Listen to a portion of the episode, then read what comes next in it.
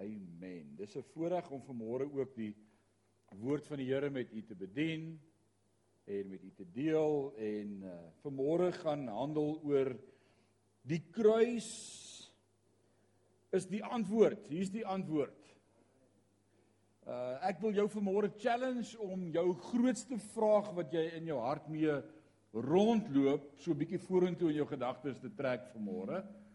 Daai vraag wat jy al 'n geruime tyd oor dink, daai ding wat jy oor wonder, daai ding wat jy oor bid, daai ding wat jy nie 'n antwoord vir het nie, trek hom vorentoe. Ons gaan hom vanmôre antwoord.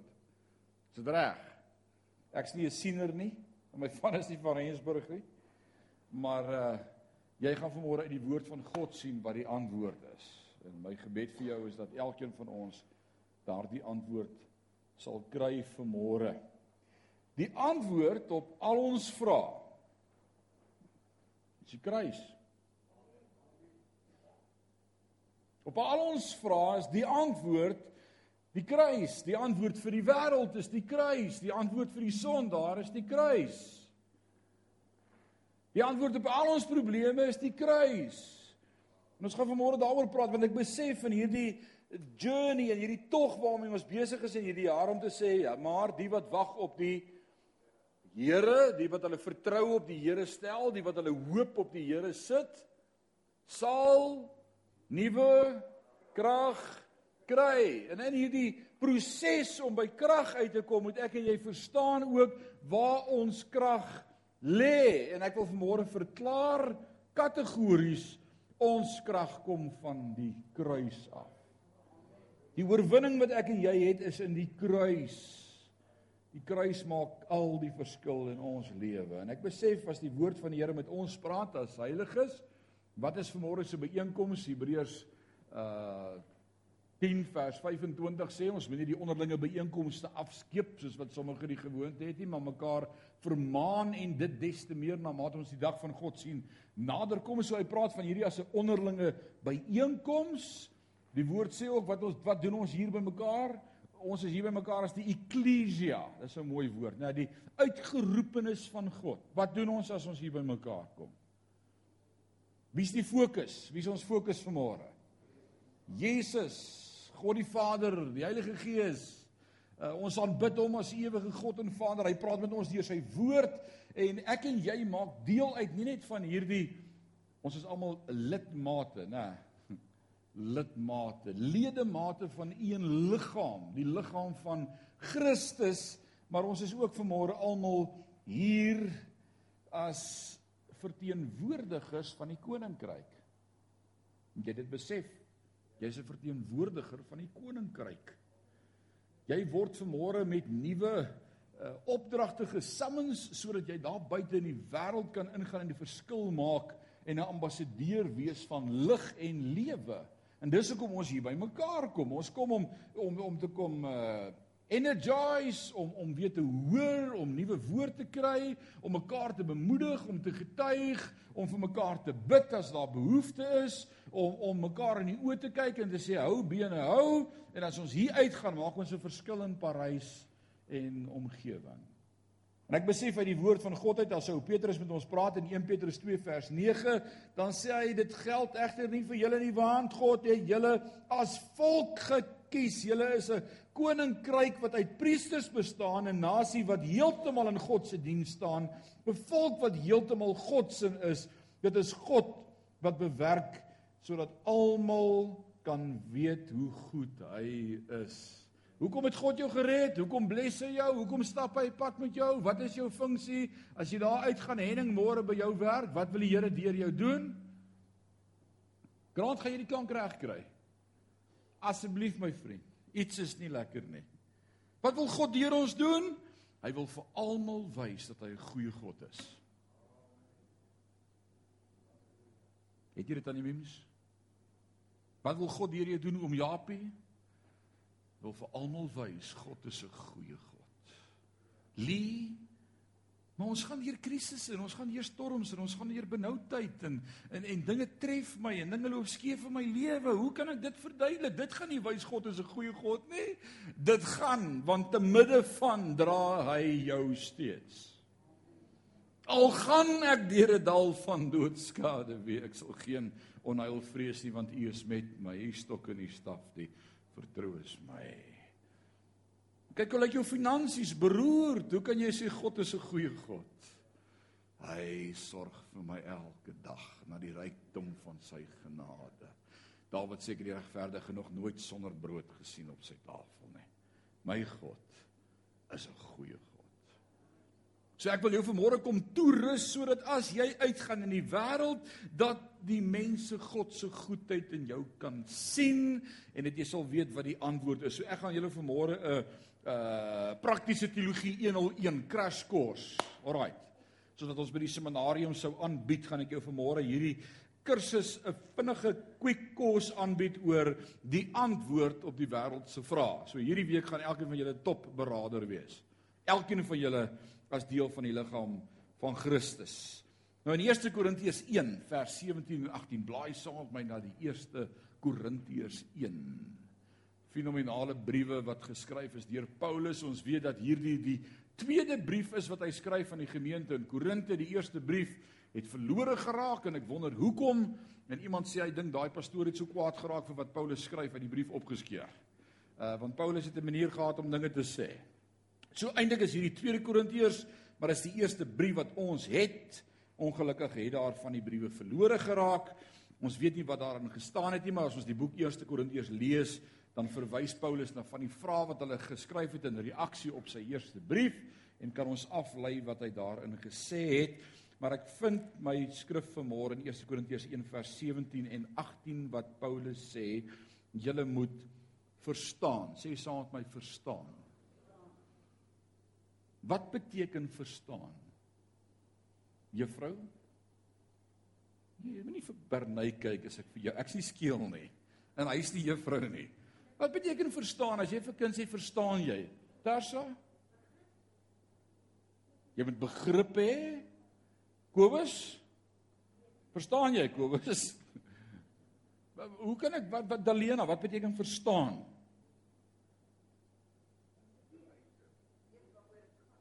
Die Engels sê dit vir my so mooi to grasp.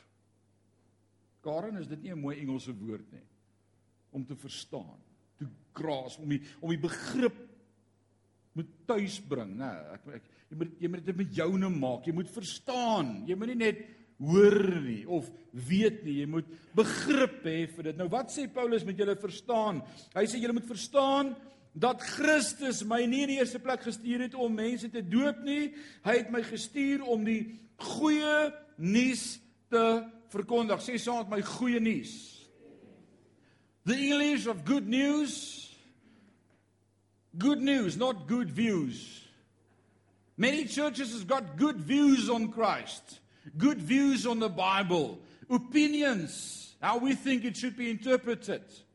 Paul says, I come not with good views, but with good news, and that good news is Jesus Christ and him alone. Die enigste goeie nuus wat daar is in hierdie wêreld is Jesus, die Christus, die gekruisigde en die verreëse heiland. En dit nie met allerlei woordkunsies Ek kom nie met slim praatjies en met vreeslike dogmatiese beskrywings en filosofiese argumente en redenasies nie, met slim woorde nie. Ek kom nie met woordkunsies nie, want daarmee verloor die kruis van Christus sy krag. Hoor jy Lukas wat sê Paulus? Hy sê met allerlei slim praatjies en dinge wat ons byvoeg, verloor die kruis sy krag. Dit is nou nie soos hierdie klering gemeente daar in die Kaap wat 'n probleem gehad het met een van die broers wat elke keer as die nagmaal beker verbykom die beker leegmaak, nê. Want hulle het nog bietjie OBS gebruik op daai stadium. En toe praat die kerkraad met mekaar en sê nee, ons gaan hier 'n plan moet maak en hulle sê maar kom ons change na druiwesap. Ons gaan weg van die sterk, ons gaan na druiwesap toe. En daai Sondag toe die nagmaal bedien word, sien die pastoor, daai broer lyk nie gelukkig nie. Hy drink nie so baie soos altyd van die beker nie. En toe hy buite kom en die pastoor groet almal soos hulle uitkom en die broer kom buitekant toe sê hy totsiens broer, toe sê hy pastoor, ek wil net sê julle het die krag uit die bloed gehaal.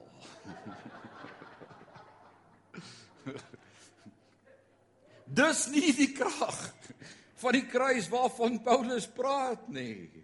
Hy sê as ons met slim woordjies en praatjies en stories kom, dan verloor die kruis sy krag. Met ander woorde, daar's krag in die kruis en ek besef hoe belangrik die boodskap van die kruis moet klink. Hoe belaglik die boodskap van die kruis moet klink vir hulle wat verlore gaan.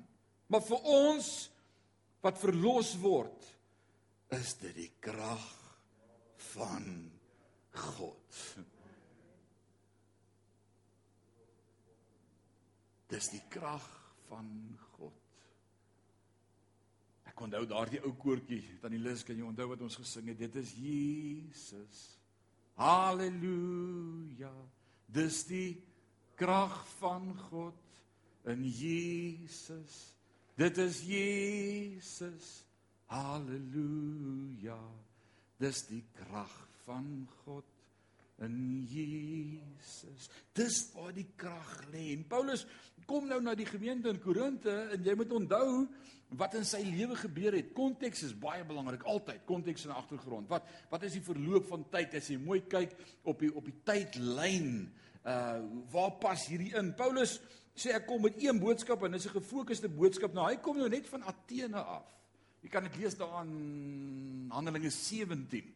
Vind ons dit opgeteken vir ons deur Lukas as hy Handelinge vir ons skryf.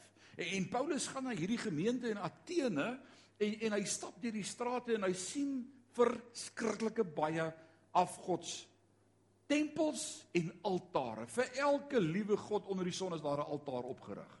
Daar was oor die 1000 altare gewees in Athene. En hy stap en hy kyk almal en hy sien iewerster 'n bordjie by een van hulle wat sê aan 'n onbekende god. Kan jy dit onthou? Nou lei dit 'n klokkie. En dan begin hy met hulle die evangelie bedien, maar hy praat nêrens om Japie oor die kruis met hulle nie. Gaan lees bietjie in Handelinge 17. Hy praat met hulle oor die opstanding en oor Jesus Christus as seun van God en die Messias, die een wat gestuur is. En as jy die great preek en jy kan great idees uit daai preek gaan kry in Handelinge 17, maar hy praat nie oor Jesus as die gekruisigde een nie. En dan kom hy met filosofiese, dogmatiese, uh intellektuele denke en hy quote van hulle digters en hy haal hulle filosofie aan en hy praat oor hulle metodologie en hy sien hierdie tempel en hierdie altaar wat opgedra is aan 'n onbekende god en hy kom op hulle vlak in met slim idees en praatjies. En weet jy wat gebeur in Athene? Nie een kerk kom tot stand nie. Geen aanwas vir die koninkryk onsuksesvol. En dan kom hy van hulle af hier by Korinte. En terwyl hy in hierdie stad Korinte sit wat 'n terrible stad was. Daar was terrible dinge wat daar gebeur het, losbandigheid, afgoderry. Van daai tempels het tempelprostituie gehad. Werkers van die nag. En dan hierdie die, die, die daar was 'n 1000 tempelprostituut. Daar is uitgestuur om evangelisasie werk te gaan doen in die stad. En dan sou hulle die broers bearbei en beïnvloed. En dan sal die broers se sakke oopgaan en hulle sal al hulle geld vir die kerk gee. So word die koffers van die kerk net voller. Terrible dinge wat gebeur het. En Paulus sit in hierdie stad en hy kyk by die venster uit en hy sien hierdie ongeruimthede en sonde en dan skryf hy die brief aan die gemeente in Rome. Kyk nou pas alles mooi in. Na Handelinge 17, na sy onsuksesvolle veldtog, sit hy in Korinte. Ons gaan nou sien wat gebeur in Korintiërs, maar hy skryf 'n brief aan die gemeente in Rome en Romeine. So nou as jy die brief van Romeine lees, gaan jy seker goed verstaan van wat Paulus hier deur die venster na kyk en dan skryf hy vir daai gemeente in Rome. Hey, julle moenie aan hierdie wêreld gelykvormig nie word word vernuwe deur julle gedagtes. Moet net nie lyk soos hierdie ouens nie. Dink anders en dink nuut. So hy kom met hierdie ervaring dat slim woordjies niemand oorgehaal tot redding nie. En as jy nie die kruis in jou preek het nie, het jy niks. Ek wil die stelling maak te veel kerke beweeg weg van die kruis af. En kom met allerlei great idees en 3 stappe en 5 stappe en 10 stappe na beter jy en die beste jy hier en nou, maar ons mis die kruis. Dis by die kruis wat dan met alle fasette en vrae in my lewe gedeel word. Die kruis is die antwoord. Sê dit saam met my. Die kruis is die antwoord. So ek wil jou vanmôre help om om hierdie boodskap te vang en te snap sodat jy dit kan deel maak van jou lewe en ook vanmôre by die nagmaal kom ons juis vir Jesus dankie sê vir die kruis. Die kruis maak al die verskil in ons lewe. Thank you Jesus for the blood of Christ. So maak nie saak wat die vraag of watter probleem mag wees wat jy hierdie week teekom of wie jy wil help hierdie week met berading as jy 'n beraader is of met iemand wil praat nie maak nie saak of dit die kassiere is by die by die petroljoggie en of dit die by by checkers is en of dit 'n vriend of 'n vriendin of 'n baas of 'n kollega of 'n werknemer is nie die antwoord op almal se vrae is die kruis. So kom ek vat 'n paar praktiese voorbeelde vanmôre van vrae waarmee mense rondloop en ek help jou om dit te antwoord uit die woord van God uit. Die eerste vraag wat mense mag vra en waarmee ek en jy te doen kry in die wêreld is jy gaan mense kry wat twyfel in God se liefde. Nie so nie, Lukas. Hoe kan God my lief hê? Ek weet nie of God God is van liefde nie. En hoe help ons hulle om te verstaan dat God 'n God is van liefde? Vat hulle na die kruis toe. Die antwoord is Jesus en die kruis. Romeine 5 vers 8 Paulus sit in Korinte. My skryf van die gemeente in Romeine in Romeine 5:8 en hy sê maar God bewys sy liefde tot ons daarin dat Christus vir ons gesterf het toe ons nog wanneer wanneer enning toe ons nog sondaars was. Ek het God nie impres nie, ek het hom nie behaag nie, ek het hom ek hy was nie Jesus, hoe kyk hoe baie bidbaar. Nee, ek wil vir hom sterf nie. Ek was in sonde, ek was verlore, ek was dood. En hy sê ek het jou so lief, ek wil vir jou sterf aan die kruis. Sê my vriend, jy's dalk dood, maar ek kan jou garandeer God se woord sê hy het jou lief. Johannes 3 vers 16, want so lief het God die heiliges gehad. Die goeie mense gehad al die regverdiges gehad, almal wat kerk toe gaan gehad. Nee, die wêreld gehad dat hy sy enige gebore seun gegee het sodat niemand verlore mag gaan nie, maar almal die ewige lewe mag hê. God het jou lief want daar was 'n kruis. As God my dan liefhet, dan kom voorsien hy nie vir my wat ek wil hê nie. 'n vraag waarmee die wêreld battle. Ek hoop nie jy battle nie met die elementêre goed nie, hoor. Maar ons doen. Ons doen. So hartseer dat ons nog doen. Paulus sê van weer die tyd moes julle almal leraars gewees het. Nee, dit was nie Paulus nie, dit was die Hebreërs skrywer. Moes julle almal leraars gewees het, maar julle het weer nodig om gevoed te word met die eerste beginsels van die woord, soos babas met melk. Romeine 8 vers 32 sê as God nie sy enigste seun gespaar het nie, maar hom terwille van ons almal oorgegee het, sal hy nie saam met hom ook alle dinge aan ons skenk nie? As as hy jou so liefgehad het dat hy sy seun aan die kruis laat sterf het vir jou. Dink jy nie hy sal die res van die goed wat ons nodig het ook voorsien nie? Henning, wat dink jy? Eh, dit is 'n vraag wat Paulus vra. Hy sê as God sy eie seun nie gespaar het nie, maar ter wille van ons oorgegee het, sal hy sê sal hy voorsien. God gee sy beste Jesus Christus vir ons. Hy sal ook vir die res voorsien. En as God sy grootste geskenk vir ons gegee het wat daar is, hoeveel te meer sal hy ook nie die klein goedjies in die lewe voorsien nie. God sal voorsien. Die antwoord is die kruis. Nog 'n vraag wat ouens daar buite vra is, maar hoekom kry ek dan nie wat ek vra nie? Ek bid en ek bid, maar ek kry nie. Kan ek net sien hoeveel van ons het al met daai vraag gebattle iewers in ons lewe? Ek gaan jou hand so oomblik op. Ek wil nie hierdie ander ou moet nou sleg voel oor hy dink hy's alleen nie. Ons almal het al gedoen en gewonder. Ken jy vir Salome onthou in die Bybel? Wie van julle onthou vir Salome? Salome. nou nie die briele as hulle sing Salome. Dis nie daai liedjie nie. Wat het Salome gedoen? Salome was hy, maar ken jy vir die liedjie Salome van die briele? Salome het twee seuns gehad. Twee seuns Johannes en Dis ek by die regte gemeente laat ek net sien wat staan. Sion. Sy het twee seuns gehad. Wie was hulle seuns gewees? Johannes en Jakobus. Twee disippels van Jesus. Hulle ma was Salome. Ah, nou onthou ek. Right? En toe kom Salome by Jesus en sy sê vir Jesus: "Here, ek het 'n begeerte. Ek wil U aanbid." En sy sy sy vertel vir hom hoe great is hy en hoe awesome is hy, maar ons weet ons doen dit ook as ons graag iets wil hê van die Here, né? As jou kind by jou kom en sê: "Ag ma, jy so moeg sit, ek maak vir jou tee." Jy weet, sit maar net bietjie en rus, dan weet jy hier kom iets. Wat wil jy hê? En Jesus weet, ek dink hy lag in sy hart want hy weet alles. Hy weet waarmee sy na hom toe kom. En dan vra sy nader, "Kan ek iets vra?" En sy sê, "Ja, Salome."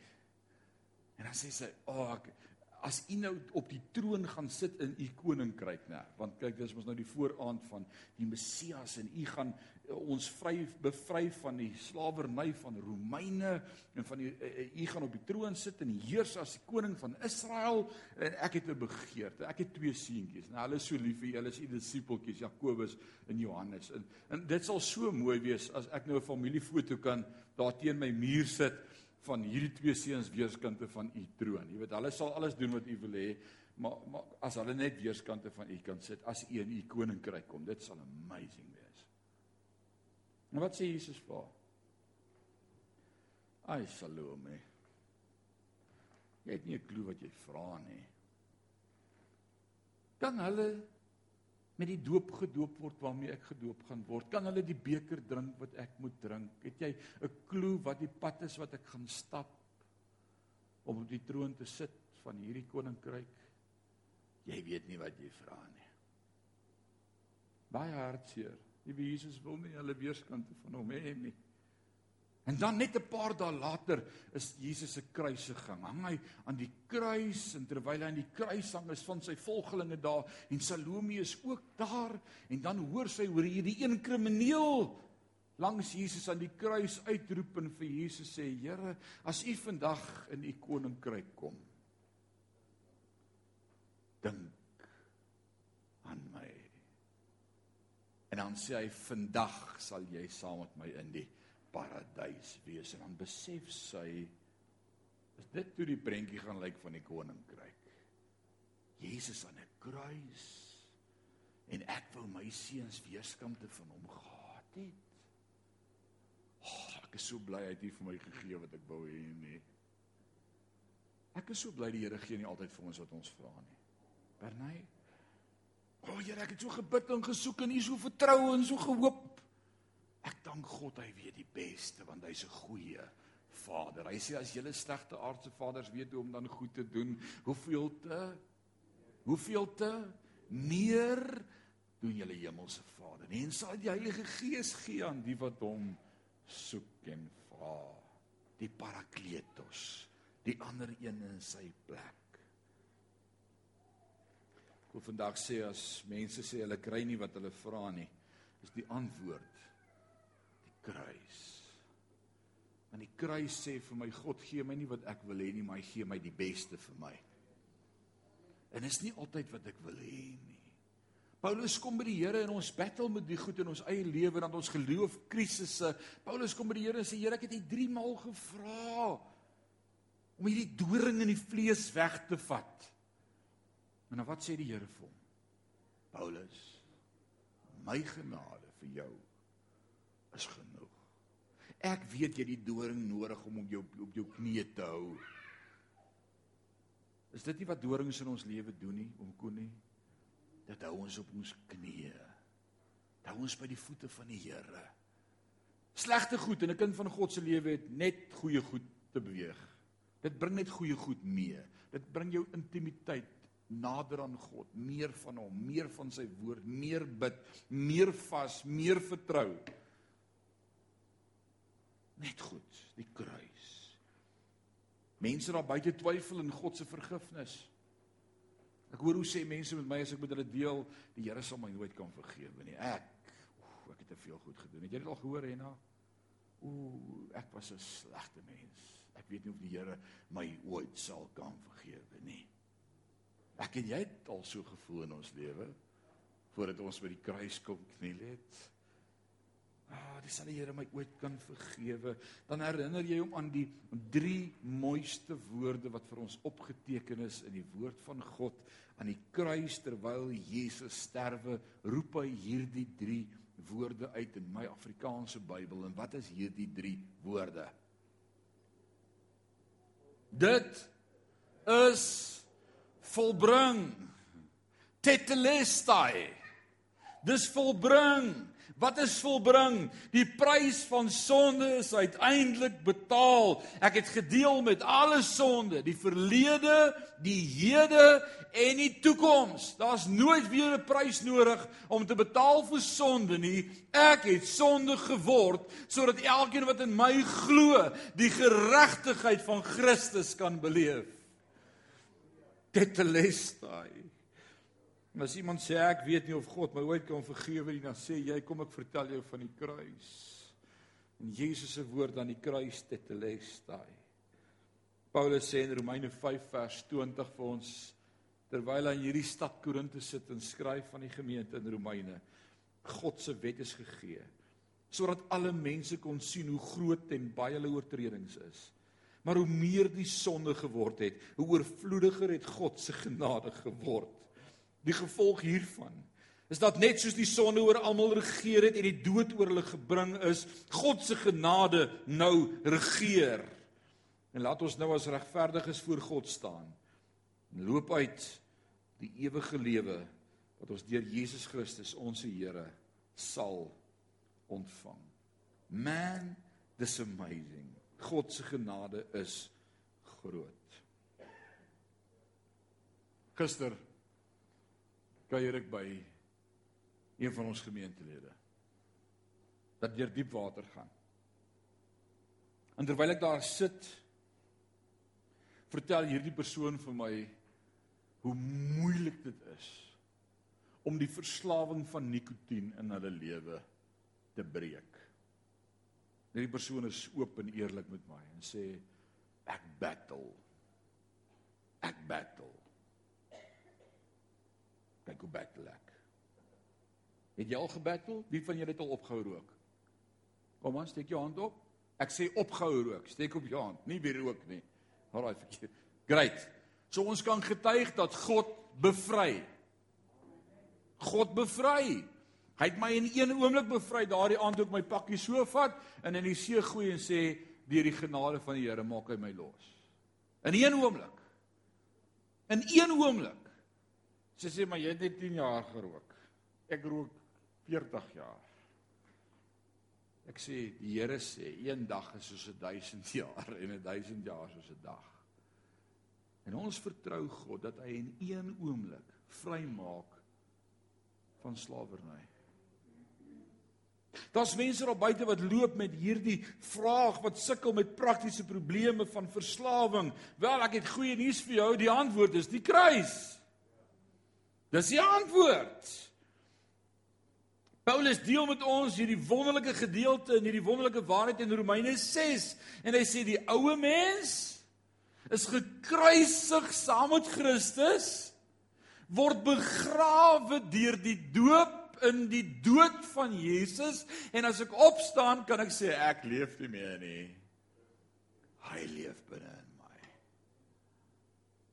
Ah, die doop is kosbaar vir 'n kind van God. Die doop is daardie begrafnis van die ou mens. Nou sê Paulus in Romeine 6 en hy gebruik 'n interessante woord om om hierdie begrip te verduidelik. Hy sê as hy sê nou is ons dood vir sonde, Romeine 6 vers 2, dan is daai woordjie dood wat hy gebruik wat die Afrikaanse vertalers daar ingesit het, eintlik die woordjie wat vertaal moet word as verlam. Verlam. Katargeio is die Griekse woordjie wat beteken disabled. Hm. Nou ek het 'n 4x4. En as ek op 'n grondpad ry, dan enable ek die 4x4. Wie van julle het almal 4x4 al gery? Jy engage of enable dit. Maar as ek terugkom op die teerpad en die stof is verby en die stof het gaan lê, dan disable ek die 4x4 funksie op my voertuig. Hy's daar, maar hy's nou dood. Paulus sê As ek en jy in Christus begrawe word en sterf, dan word die gevolg van sonde in my lewe gedisable. Is dit nie mooi nie? Nou baie van ons ken disabilities en ons ken disabled people, verlamde mense. Meeste van hulle kan praat. Hy kan dink, hy kan kommunikeer maar die ou liggaam kan nie beweeg nie. Hy's hy's hy's dood. Ek hoor die sonde wat in my kop vir my sê, "Hey, jy gaan onttrekkingssimptome kry. Steek my aan." Maar hy's dood. Ek kan hom ignoreer. Want hy kan nie meer my hand vat en in die pakkie druk en die sigaret laai nie. Hy's dood want dis iets niets binne in my. Christus leef nou in my. Hy help my om oorwinning te kry oor die hou vas wat sonde op my gehad het. Het jy het jy mooi gelet hoe Paulus vir ons geskryf as hy skryf daar in 1 Korintiërs 7 ag 1 Korintiërs 1 vers 18 hy sê Ek besef hoe belaglik die boodskap van die kruis moet klink vir hulle wat verlore gaan. En nou hoor wat sê hy sê maar vir ons wat verlos word is dit die krag van God. Nou wat beteken vir ons wat verlos word? Ek dog ek is klaar verlos. En ek is al verlos. My naam is geskryf van die boek van die lewe. Ek is 'n mede-erfgenaam van Christus. Groter is hy wat in my is as hy wat in die wêreld is. Dit het reeds gebeur. Hy het dit gedoen. Maar Paulus skryf vir die gemeente in Romeine en hy sê ons word verlos. Hoe gebeur dit? Kom ek verduidelik dit vir jou. Hy het my verlos van die ewige dood. My naam is geskryf in die boek van die lewe. Ek gaan hemel toe. Ek is sy kind. Wie kan sê amen? Is daar 'n paar kinders van die Here hier vanmôre? Dis reeds gebeur.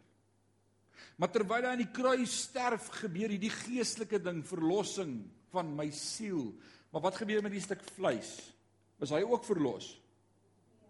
Is hy nou geheilig maak? Is hy nou is dit 'n heilige vleis hierdie? Wat wat is hierdie natuur? Ons noem dit 'n sondige natuur. Paulus sê ons is uit sonde gebore en ontvang en dit ontbreek ons van sy heerlikheid. Hierdie stuk vleis het sy eie brein. Paulus verduidelik dit in Romeine 7. Hy sê dit lyk vir my met my gees dien ek een stel reëls God, ewigheid, koninkryk, maar die stuk vleis wil sy eie dinge doen. Ek sukkel met hom. Die dinge wat ek nie wil doen nie, dit doen hy. Moenie weer die koekie vat nie, dan vat hy die koekie. Gaan nie weer suiker eet nie. Ek het vandag net 7 lepels in sover. Sukkel gaan nie weer my meer verloor nie. My mag nie soveel keer met ek nog met jou praat. Uh, Halleluja, broer. Ek sukkel met die stuk vleis. Dis 'n proses. Paulus praat van daai proses ook as heiligmaking, die proses om elke dag die vlees te kruisig en te sê minder van jou en meer van God in my lewe. Dis 'n proses. Wie kan vanmôre bely ek is in proses? Jy's nog in die proses. Ek dank die Here. Ek kry dit reg om nooit weer te vloek nie tot jy jou vinger met die hamer raak slaan. En dan praat jy in tale. Ek wou nie. Waar het dit uitgekom? Die stuk vleis is nog nie gered nie. Dis 'n proses van heiligmaking. Maar nou sê Paulus word. So ek is gered.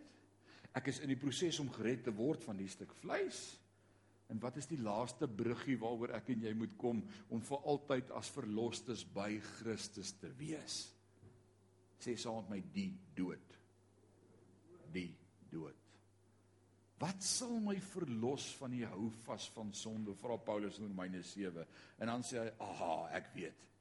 Die dood, want as ek hier sterwe, leef ek vir altyd sonder 'n vleis wat wil sonde doen by God. Dan kan ek nooit weer iets doen wat ek nie wil doen nie." Die dood vir 'n kind van God is 'n wonderlike vooruitsig. Uh, uh, uh die kruis om te sterf, die proses van om te sterf. Mense sê ek sukkel met depressie, dis een van die tydsgees, die tydsiektes van ons tyd. Depressie, hoe ek voel, ek raak deprou, my emosies. Wel die antwoord is eenvoudig. Wat dink julle is die antwoord vir depressie? Die kruis. Hoe kan die kruis die antwoord wees vir depressie? Jesus kom in Lukas 9 en hy sê hierdie woorde. Hy sê as iemand my wil volg, my disipel moet wees, moet hy sy kruis opneem en my volg. Die antwoord vir depressie is die kruis want wat doen die kruis? Wat wys die kruis vir my? Jesus sê dit gaan nie oor my en dit gaan oor almal wat ek wil red. En vir my en my eie lewe, Rinus 7 vers 3 Wat het my gehelp om oorwinning te kry oor depressie in my lewe? Ek het ophou fokus na hoe ek voel en wat ek nodig het en wat ek dink. En ek het gesê, ja, okay, Here, help my om vir ander iets te beteken. Wat kan ek vir ander doen? Marlene, wat het jy van my nodig vandag? Koenie, wat kan ek vir jou bring? Watse lied het jy nodig om te sing vandag? Watse preek het jy nodig om te hoor vandag? Watse gebed het ek nodig om vir jou te bid vandag? En voordat ek dit besef het, het God my vrygemaak van depressie.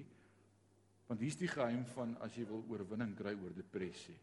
Doen iets vir iemand anders. Want wat depressie doen is dit sit oogklap op jou oë.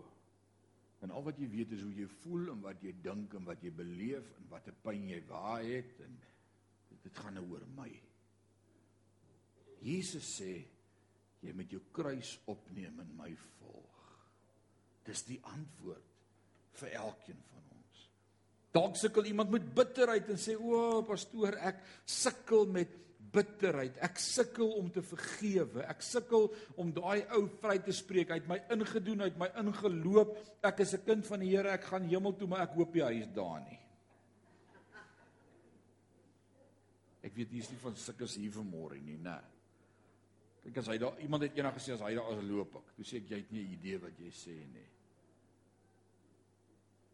Toe sê ek vir my daai attitude wil ek teen teen een vir jou sê julle gaan mekaar al twee in die hel kry. En daar kan jy nie loop nie. Alraai, dan mooi wat jy sê.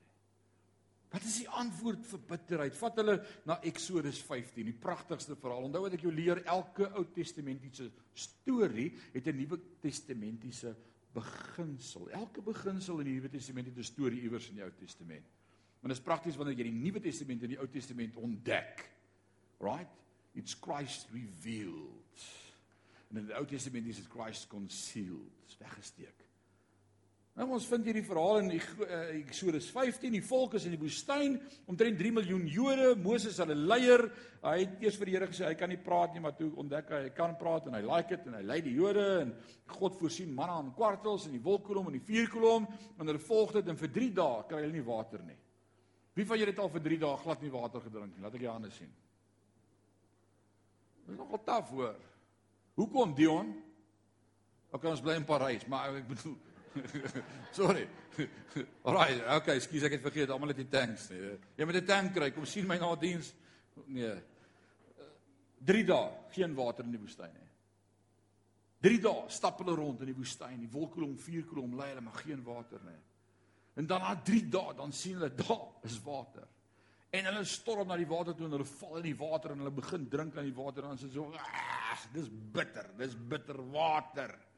Dis bitter. Hoe deel ons met bitterheid?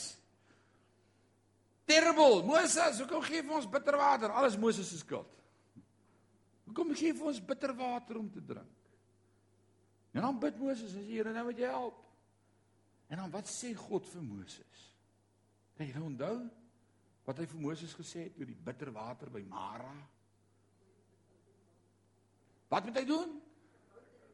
Hy moet die boom, 'n stuk hout 'n boomstomp Nou wat verteenwoordig hout of 'n boom in die Ou Testament vir ons? Wat 'n simbool van die Nuwe Testament is dit? Die kruis. Hy sê Moses, nou God praat met Moses in prentjies. Dis die amazingste as hy vir hom sê slaan die rots, dan kom daar water uit en Moses slaan die rots, dan kom daar water uit. Ons sing dit Rock of Ages. Cleft for me, let me hide myself in thee. Let the water and the blood from thy wounded side Ja, dis is soos dis die simbool van Jesus wat vir my geslaan word, gaan geslaan word profeties en wat doen dit vir my en vir jou? We we part of the offspring, die water van die ewige lewe wat daar uitvloei. En dan die volgende keer as daar nie water is nie, wat sê God dan vir Moses wat moet hy doen met die rots? Hy moet met hom praat. Hoeveel keer het Jesus vir my en vir jou gesterf? Een keer. Het hy nodig om weer te sterf? So wat doen ons nou as daar dinge in ons lewe is en ons droog op?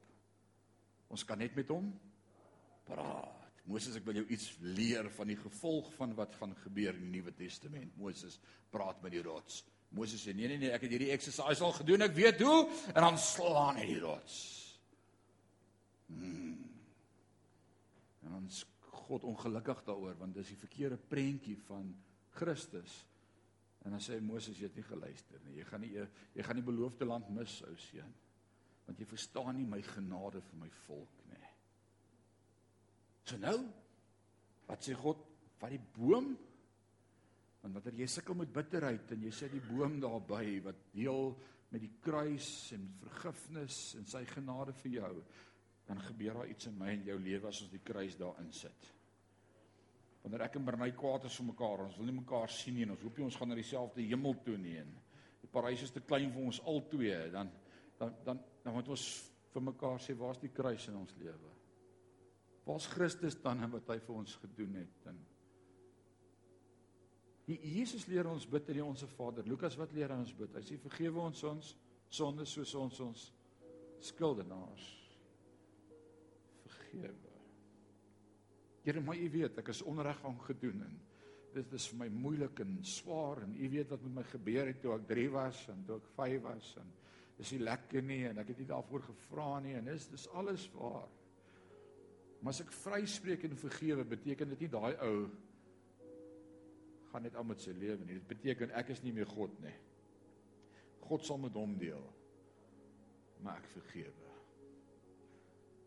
En as ek ooit teen iemand iets hou, dan sê ek, Here, ek vergewe. Ek wil nie God speel nie. Want dit maak my net bitter. Maak dat u fontein van lewe opdroog in my lewe en mense wat by my wil kom drink, kry nie die Heilige Gees of die woord nie, hulle kry bitterheid. O, wanneer laas was jy by Tannie Koekie? Sy is lekker bitter. Ons praat so, is dit nie?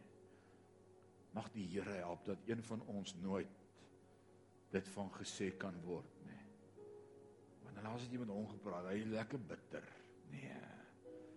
Dan moet gesê word hoe daar's 'n fontein wat uit sy binneste vloei van vergifnis en genade en as jy by hom sit beleef jy die Here en dis net so amazing om sy teenwoordigheid of haar teenwoordigheid te wees. Kyk gou wat kom hier doen Jesus en hiermee sluit ek af vir môre. Ons kan die vergifnis van ons sonde deur Jesus Christus se versoeningswerk as volg verduidelik. As profeet verkondig Jesus Christus die vergifnis van ons sonde aan ons. As priester verwerf hy vergifnis van al ons sondes aan die kruis met sy liggaam en bloed. En nou as koning deel hy sy vergifnis uit aan almal. Oh, this beautiful. Want dis wie hy was. Hy was profeet. Alraai, hy was priester maar hy's ook koning. Mag die koning vanmôre by jou oomblik stil staan en sy vergifnis in jou hart kom uitstort. Kan ek vir ons 'n gebed doen voor ons aan die nagmaaltafel gaan sit?